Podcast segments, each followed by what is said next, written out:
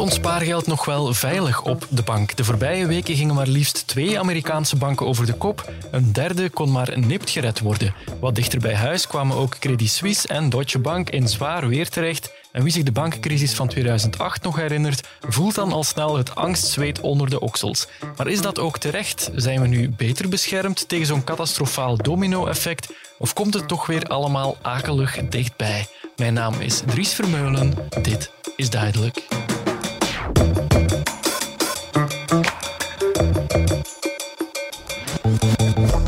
Duidelijk, de morgen. A bank is supposed to be one of the most secure places that you can work with. Silicon Valley Bank was the gold standard in terms of startups and technology companies and venture capitalists. I think we should be prepared for more bad bank news. It's a bit like the game of whack a mole. As fast as you sort out one problem, another one pops up, it seems. Look, the bottom line is this Americans can rest assured that our banking system is safe. Your deposits are safe. Let me also assure you, we will not stop at this. We'll do whatever is needed.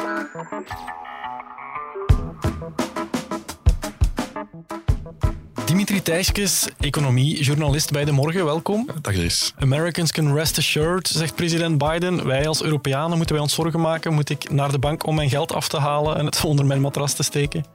Nee, dat hoeft, dat hoeft helemaal niet. Want zelfs als, we, als, we, als er een bank failliet zou gaan, is ons geld nog altijd heel goed beschermd. Oké, dat is al een hele geruststelling. Misschien moeten we dat dan eerst eens even uitleggen voordat we in die crisis duiken. Hoe is ons persoonlijke spaargeld dat op de bank staat beschermd tegen zo'n faillissement? Ja, het is eigenlijk zo dat um, als een bank failliet zou gaan, is er een waarborg waar de overheid garandeert dat alles tot 100.000 euro vergoed gaat worden aan de, de spaarder. Dus alles tot en met 100.000 euro, zelfs als het bij een failliete bank zou zijn, krijg je dan terugbetaald door de overheid. Dus iedereen die minder dan 100.000 euro op zijn uh, spaarboekje heeft staan, mag er zeker van zijn dat hij niks zal verliezen, hij of zij niks zal verliezen. Oké, daar ben ik alvast bij en ik neem aan de meeste van onze luisteraars ook wel. Ja. Um, maar mensen stellen zich natuurlijk wel vragen momenteel, hè, want er is de voorbije maand best wel wat gebeurd in die bankenwereld. Het begon in de VS met de Silicon Valley Bank. Die is eigenlijk heel plots failliet gegaan. Hoe is dat precies gekomen? Ja, dat klopt. Dus dat was een, uh, ja, eigenlijk een, in Amerika noemen ze dat een middelgrote bank. Uh, mm -hmm. um, dat is toch een, een, bank waar 200 miljard euro aan spaargeld stond.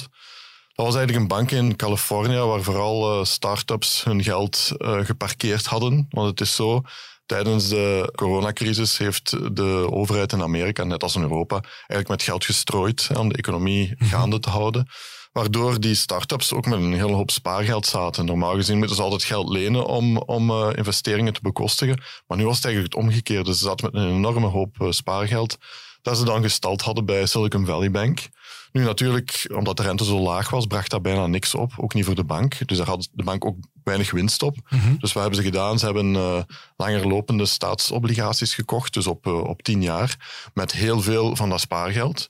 Nu, dat is geen probleem als dat spaargeld tien jaar kan blijven staan. Dus dan brengt het wel voldoende op om winstgevend te zijn. Ja. Maar het probleem is, uh, intussen tijd had de centrale bank in Amerika, de, de Fed, had de rente verhoogd, omdat de inflatie zo hoog ligt. Dus wat doen dan de centrale banken? De inflatie ligt hoog, dus alle prijzen stijgen om die prijsstijging tegen te gaan, gaan ze dan de rente verhogen. Ja, dat hebben we al wel eens eerder uitgelegd in deze podcast. Dus door de rente te verhogen, verlaagt die inflatie die het leven momenteel zo duur maakt. Dat heeft de centrale bank in de VS al een aantal keer gedaan en in Europa trouwens ook. Hè? Ja, klopt. Dus dat is, dat is een van de technieken die centrale banken kunnen gebruiken om uh, ervoor te zorgen dat die, die prijzen van voeding, van, van uh, energie, dat die niet blijven exploderen. Eigenlijk om de economie een beetje te vertragen. Dat is eigenlijk het, het effect wat dat dan genereert. Ja. Nu, op dat moment natuurlijk, die, die start-ups, die zaten dan met, uh, ook met heel wat kosten, met loonkosten, met, met energiekosten die stegen. Dus die hadden eigenlijk wel, wel wat van dat spaargeld nodig, wat zij hadden gestald bij Silicon Valley Bank. Nu, die bank had dat niet meer. Die had dat gestoken in langerlopende investeringen. Dus daar kon ze niet zomaar aan. Wat heeft ze dan moeten doen? Enerzijds geld moeten lenen, maar anderzijds ook een aantal van die obligaties die op langere termijn waren, moeten verkopen, vervroegd verkopen. En dan verkoop je die met verlies. Mhm. Dat verspreidde zich eigenlijk als een lopend vuurtje van uh, die Silicon Valley Bank die is hier uh, dingen aan het verkopen met verlies. De klanten van die bank kregen dan opeens schrik en hebben dan massaal hun geld afgehaald, waardoor je eigenlijk een sneeuwbal krijgt en het nog moeilijker werd voor de bank om, uh, om al dat spaargeld terug te betalen aan die klanten. Ja. dus er is op één dag tijd is, 50 miljard euro afgehaald bij die bank. Wat nu natuurlijk ook gemakkelijk is, hè, omdat het allemaal digitaal kan. Ja, dat, dat was wat ze dan een bankrun noemen. Iedereen klopt. loopt bij wijze van spreken naar de bank om zijn geld af te halen. Ja, ja, en dat is natuurlijk het hele systeem van banken, van alle financiële instellingen, dat is eigenlijk gebaseerd op vertrouwen. Ja. En als ene keer dat vertrouwen in zo'n bank weg is of, of verdwijnt, ja, dan krijg je een bankrun. Iedereen wil dan toch zijn geld, omdat ze schrik hebben dat ze het gaan verliezen. En dan, eh, geen enkele bank kan dat aan om alles van, van, eh, van vandaag op morgen, al het geld cash uit te betalen aan, aan klanten. En zo is dan die Silicon Valley Bank eigenlijk omgevallen, zoals het dan heet. Mm Die kon niet meer aan zijn, uh, aan zijn verplichtingen voldoen. En dan heeft de overheid wel beslist. Dus in Amerika is er trouwens een, een garantie uh, tot 250.000 dollar. Maar de Amerikaanse overheid heeft zelfs gezegd: alles wat er zelfs boven is, uh, alles wat daar boven komt, gaan we ook terug vergoeden. Dus die hebben zelfs beslist om bij Silicon Valley Bank alle klanten volledig al hun spaargeld terug te betalen. Dus op zich was dat gewoon een, de bedoeling om het vertrouwen te herstellen en om te vermijden dat zo'n crisis, dat die zich voortzet naar andere banken. Dus andere banken waar dan eventueel wat probleempjes waren, dat die ook nog meer in de problemen zouden komen. Want dan krijg je natuurlijk een systeemcrisis en dat is wat een eh, centrale bank te allen prijzen moet vermijden. Ja. Nu, dat was Silicon Valley Bank, maar dan, daarna is ook de Signature Bank failliet gegaan. Dus het bleef wel niet bij dat ene probleem. Er is dan een derde bank in Amerika ook die bijna failliet is gegaan. Dan in Zwitserland was er Credit Suisse. Dus mhm. er is toch wel sprake van een zeker domino-effect dan. Ja, klopt. Dus waar ik het net over had, het vertrouwen in de banken is toch wat naar beneden gegaan. Je zag het ook, alle bankaandelen hebben uh, heel wat terrein verloren. Dus uh, de aandelenkoersen zijn van alle banken wel gezakt, zelfs van de grootbanken. Nu, daar gaat het dan niet over min 60%, zoals bij Silicon Valley Bank, maar daar gaat het dan over min 10%, maar dat is nog altijd zorgwekkend. Mhm. Maar inderdaad, het is een domino-effect. En eigenlijk, um, vaak wordt dan gezegd, bij renteverhogingen, dan duiken alle problemen die er zijn, komen dan aan de oppervlakte. Yeah. Dat kunnen allerlei verschillende problemen zijn. Bij Silicon Valley Bank was het het risico, te veel risico genomen. Bij uh, Credit Suisse was het eigenlijk al langer een managementprobleem. Hè. Dus er waren wel wat problemen bij die bank. Die moest gereorganiseerd worden, want daar waren wel allerlei problemen. Dus daar was voordien voor de crisis al sprake van. Maar nu natuurlijk, ene keer als ze dan zien, oei, er zijn ook problemen bij één bank, en die bank is al niet zo stabiel, dan gaan de mensen daar natuurlijk hun, hun geld weghalen. En dat heeft ervoor gezorgd dat ook Credit Suisse uh, versneld in de problemen is gekomen. Men heeft nog geprobeerd om daar heel snel een uh, reorganisatie te doen, maar dat is natuurlijk al, al, te laat als de mensen al hun geld uh, gaan afhalen. Uiteindelijk heeft dan UBS, dus een andere grote bank in Zwitserland, heeft, heeft Credit Suisse overgenomen. En zo is het probleem wel van de baan. Dus voorlopig blijft het beperkt bij die, bij die bank. Ja, Deutsche Bank kwam ook even ter sprake. Hè? Ook daar uh, kwamen problemen, bank ging aan het wankelen, maar ook die is intussen gered, lijkt het. Ja, klopt. Er zijn natuurlijk verschillende soorten van, van buffers, verdedigingsmuren tegen zo'n dat een bank failliet gaat.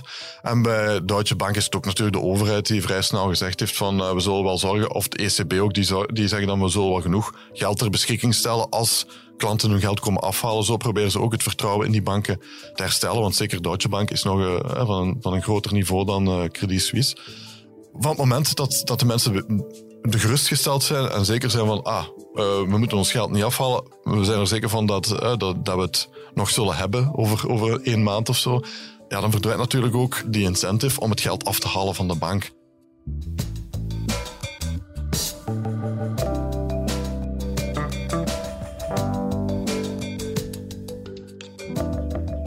Dat het belangrijk is dat we de, dat we de kalmte gaan uh, bewaren, dat we ook dat vertrouwen gaan, gaan garanderen. We kunnen ook zeggen dat er eigenlijk geen blootstelling is van die twee banken op, op de Belgische bankensector, en wat toch ook wel, wel belangrijk is. We moeten natuurlijk ook blijven herhalen dat dat, dat dat regulerende kader waarbinnen dat die bankensector werkt, dat die na de financiële crisis heel sterk versterkt is en die er vandaag ook voor zorgt ja, dat, we, dat we toch wel vertrouwen kunnen hebben dat de kans uh, en, en, het risico dat er is, dat er gevaar zou zijn, dat die toch wel uh,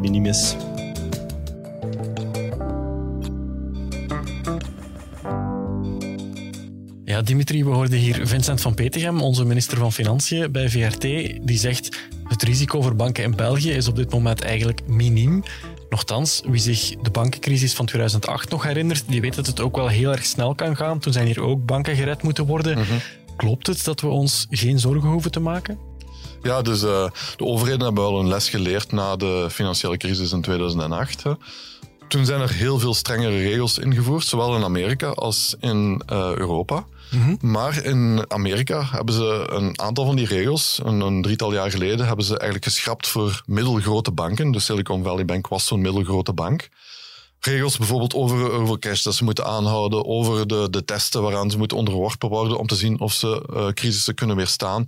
Die zijn allemaal geschrapt voor die, voor die banken, waardoor ze eigenlijk te veel risico's hebben genomen zonder dat de overheid daarvan op de hoogte was. En daardoor zijn dus die problemen gekomen. In Europa zijn die regels er wel nog altijd. Dus daar moeten banken bijvoorbeeld veel meer cash aanhouden dan in 2008. En moeten ze er ook aan eh, heel strenge stresstests onderworpen worden. Dus dat is regelmatig dat ze gaan kijken, als er bepaalde scenario's gebeuren, wat er dan gebeurt met die banken, of ze kunnen overeind blijven. Mhm. En uit alles blijkt dat, uh, de, dat onze banken, dus Europese banken in het algemeen, maar de Belgische banken in het bijzonder, dat ze die stresstests heel goed uh, doorstaan. Ah, oké. Dus um, beter zelfs nog dan, dan andere banken in Europa. Dat heeft ook de gouverneur van de Nationale Bank, uh, Pierre Wunsch, meermaals gezegd. En ook nog eens in een interview dat wij uh, met hem gehad hebben, heeft hij dat ook nog eens beklemtoond. Ja, om meteen maar even reclame te maken. Jij hebt de gouverneur van de Nationale Bank gesproken. Hè? Ja. En dat interview kunnen mensen uitgebreid lezen dit weekend in de morgen. Ja, klopt.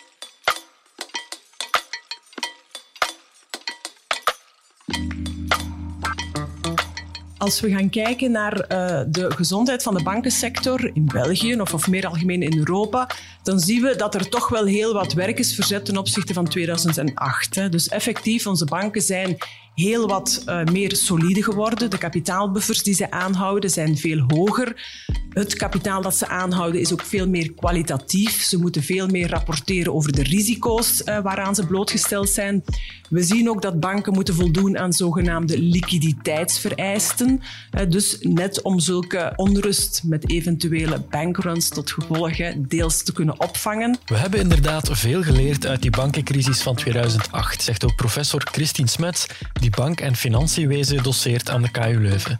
Banken in Europa en dus ook in België zijn nu heel wat beter beschermd tegen zo'n grote systeemcrisis. Maar dat wil niet zeggen dat er niets meer kan gebeuren. Er is een ingebouwde fragiliteit, broosheid in het systeem als effectief mensen hun gelden gaan ophalen en dit en masse en je gaat een effectieve bankrun hebben, wel dan gaat geen enkele bank daar kunnen aan voldoen. Vandaar dat je bijvoorbeeld dan ook een depositogarantiestelsel hebt dat mensen een vertrouwen moet geven dat het niet nodig is om de deposito's gaan op te halen. En ook die bedragen zijn eh, sinds 2008 erg opgetrokken geweest. Hè. Voor 2008 ging dat over kleine garanties. Vandaag de dag gaat dat over zeer grote garanties. Dus wat dat betreft ja, heeft de regulator wel een aantal mechanismen geïnstalleerd om ervoor te zorgen dat mensen vertrouwen mogen hebben. Maar als mensen het geen vertrouwen willen hebben, ja, dan, dan, dan gaat dat tot een fragiel banksysteem leiden. Een bankrun ontstaat wanneer mensen hun vertrouwen in de bank verliezen en massaal hun spaargeld gaan afhalen, wat het probleem natuurlijk alleen maar vergroot en de bank verder richting faillissement duwt, want die moet nu nog meer cash gaan uitbetalen waarover ze niet meer beschikt. Een volstrekt begrijpelijke reactie, zegt professor Smets, maar ook een heel gevaarlijke. Eigenlijk is dat een heel eenvoudig verhaal. Als mensen wantrouwen hebben, wel, de eerste persoon uh, die weet, als ik mijn geld ga afhalen, wel, dan gaat dat geld er nog zijn. En dan denkt die tweede persoon denkt net hetzelfde. En natuurlijk, dan zie je ineens dat er massaal mensen geld gaan afhalen in de hoop van, zolang dat ik bij die eerste groep van mensen ben, waar dat er effectief liquiditeiten zijn, heb ik mijn geld terug. Maar dat voedt effectief die instabiliteit. Dus ik denk dat het des mensens is uh, dat men zich dan terugplooit op zichzelf en, en, en een beetje vanuit een, een, een persoonlijke situatie gaat denken, wel, als ik maar mijn geld terug heb en men denkt niet aan het collectief, dat die individuele actie eigenlijk een negatieve en nefaste impact heeft op het systeem, hè, dus op de bank en op het ganse bankensysteem. Het is onder meer door die impact dat de crisis in 2008 zo snel, zo hevig uit de hand kon lopen. En datzelfde wantrouwen zien we nu ook terug, zegt professor Smets. Maar er is ook een belangrijk verschil. Ik denk naar de oorzaak van de crisis dat we toch wel met een heel andere situatie zitten. Dus daar ging het over een uh, problematiek die niet beperkt was bij één bank, maar die effectief bij verschillende banken zaten. Hier zitten we vandaag de dag, zeker als je kijkt naar het geval van Credit Suisse, dat is een zeer geïsoleerd geval. De problematiek waarom dat Credit Suisse is gefaald, is dat reputatierisico, die bedenkelijke transacties die ze in het verleden hebben gedaan, het feit dat ze voor fiscale fraude veroordeeld geweest zijn, dat is eigenlijk een geïsoleerd geval. Dus de oorzaak is geïsoleerd, maar de consequenties mogelijk niet, omdat de val van Credit Suisse het wantrouwen heeft gevoed in de economie en zo natuurlijk wel ook weer een systeemrisico kan uh, vormen. Intussen lijkt de hele boel weer een beetje gekalmeerd. Silicon Valley Bank en Credit Suisse werden overgenomen door grotere spelers en maandag konden de Europese beurzen de week starten met geruststellende groene cijfers.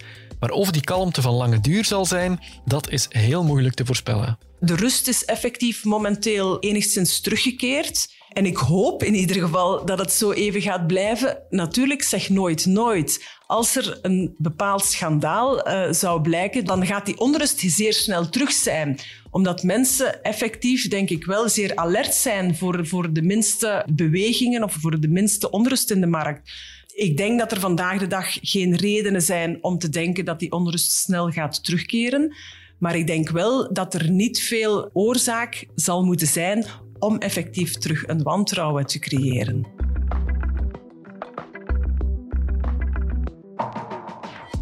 Dimitri, de Nederlandse econoom Bas Jacobs, zei het onlangs ook al in onze krant. Als maar genoeg mensen in paniek raken, hun vertrouwen verliezen, kan zelfs een perfect gezonde bank ook failliet gaan. Hè? Ook de Belgische banken. Ja, dat is dus ook zo. Hè? Dus uh, het is ook nul risico bestaat niet. Dus je kunt niet de absolute garantie geven van er gaat niks gebeuren met uh, de Belgische banken. Maar uh, het, het, risico is zeer klein. Het is wat we net gezegd hebben. Het hele systeem is eigenlijk gebaseerd op vertrouwen. Mm -hmm. Als dat vertrouwen verdwijnt, mensen hebben geen vertrouwen meer in de bank. Dus wat doe je dan? Dan haal je je geld allemaal van de bank af. Als iedereen dat tegelijk doet, valt elke bank om. Zelfs de meest gezonde. Want niemand heeft of geen enkele bank heeft alles, al het geld wat op die deposito staat, heeft dat ook cash liggen. Hè. Dat geld is geïnvesteerd in beleggingen, obligaties, aandelen. Dus elke bank kan in principe omvallen. Maar uh, het is dan eigenlijk nu de taak van de centrale banken, van de overheden, om ervoor te zorgen dat de mensen het vertrouwen in die banken behouden. En dat lukt op dit moment vrij goed. We zien dat uh, het effect van, van bijvoorbeeld de val van Credit Suisse, of de overname van Credit Suisse, of de val van Silicon Valley Bank, dat het toch op dit moment beperkt blijft tot een heel beperkt aantal banken. Dus het lijkt er nu echt wel op dat ze die risico's beter onder controle hebben dan in 2008. En toen wisten de overheden niet zo goed wat hebben de banken allemaal met hun geld gedaan. Maar nu zijn er veel strengere controles op, van, zeker in Europa, waar ze echt gaan kijken of die risico's die banken nemen niet te groot zijn. En uh, het feit dat uh, de Europese Centrale Bank of dat de, de, nationale banken dat doen, geeft de mensen ook de geruststelling van, ja, ik mag gerust over zijn dat die 20, 30.000 euro die nu op mijn spaarrekening staat, dat die er volgend jaar nog op staat. En dan heb je natuurlijk, waar we het ook al over gehad hebben, de, de garantie dat tot 100.000 euro alles, uh, dat je alles terug betaald zal krijgen. Mm -hmm. ja, begin deze week stabiliseerden de beurzen weer, dat hebben we gezien. Mm -hmm. Wil dat dan zeggen dat het ergste voorbij is? Ja, dat is, dat is moeilijk te voorspellen. Hè? Dat, uh, het is zo volatiel. Het, is, het weegt zo dat het heel moeilijk is om nu voorspellingen te doen. Maar het ergste lijkt op dit moment voorbij te zijn. Je kan natuurlijk nooit weten welke risico's bepaalde banken hebben genomen, dat er hier of daar toch nog een probleem opduikt. Maar voorlopig lijkt alles wel onder controle. Het hangt er nu ook wel van af, hè, want uh, de problemen zijn eigenlijk aan de oppervlakte gekomen door het verhogen van die rente hè, door de centrale bank om die inflatie, dus die prijsstijgingen tegen te gaan. Normaal gezien zitten er nog wel een aantal van die verhogingen in de pijplijn, hè, omdat inflatie nog redelijk hoog ligt. Dus de Europese Centrale Bank gaat normaal gezien die rente nog wel één of twee keer verhogen. Het hangt er nu vanaf. Waar gaan ze daar beslissen? Gaan ze zeggen, het risico is te groot dat er nog banken in de problemen zullen komen, dus we gaan daarmee wachten? Of gaan ze toch zeggen, nee, die inflatie ligt nog te hoog, we gaan toch doorgaan met die renteverhogingen? En dan is het maar af te wachten als ze dat toch zouden doen, of er op dat moment opnieuw uh, problemen zouden opduiken. Dus er zijn heel veel onzekere factoren om nu al te zeggen van er gaat, uh, het probleem is onder controle. Helemaal nog niet. Maar ik denk dat we wel nu al gerustgesteld zijn dat we de vergelijking met 2008 niet moeten maken. Want toen ging het wel heel, heel snel. Hè? Toen ging de ene bank naar de andere in, in, in de problemen. En dat is nu op dit moment niet het geval. En het lijkt er ook op ja, dat de overheden ook wel gelijk hebben en de nationale banken, dat de banken uh, wel beter bestand zijn tegen allerlei schokken en crisissen. Oké. Okay. Dimitri Thijskes, dankjewel voor je tijd. Graag gedaan. Ik bedank ook professor Christine Smets van de KU Leuven. En u, beste luisteraar, bedank ik ook weer om erbij te zijn. Hopelijk bent u er volgende week opnieuw. Donderdag is er weer een nieuwe aflevering. In de tussentijd kunt u ons altijd bereiken via podcasts.demorgen.be. Heel graag tot volgende week. Dit was duidelijk.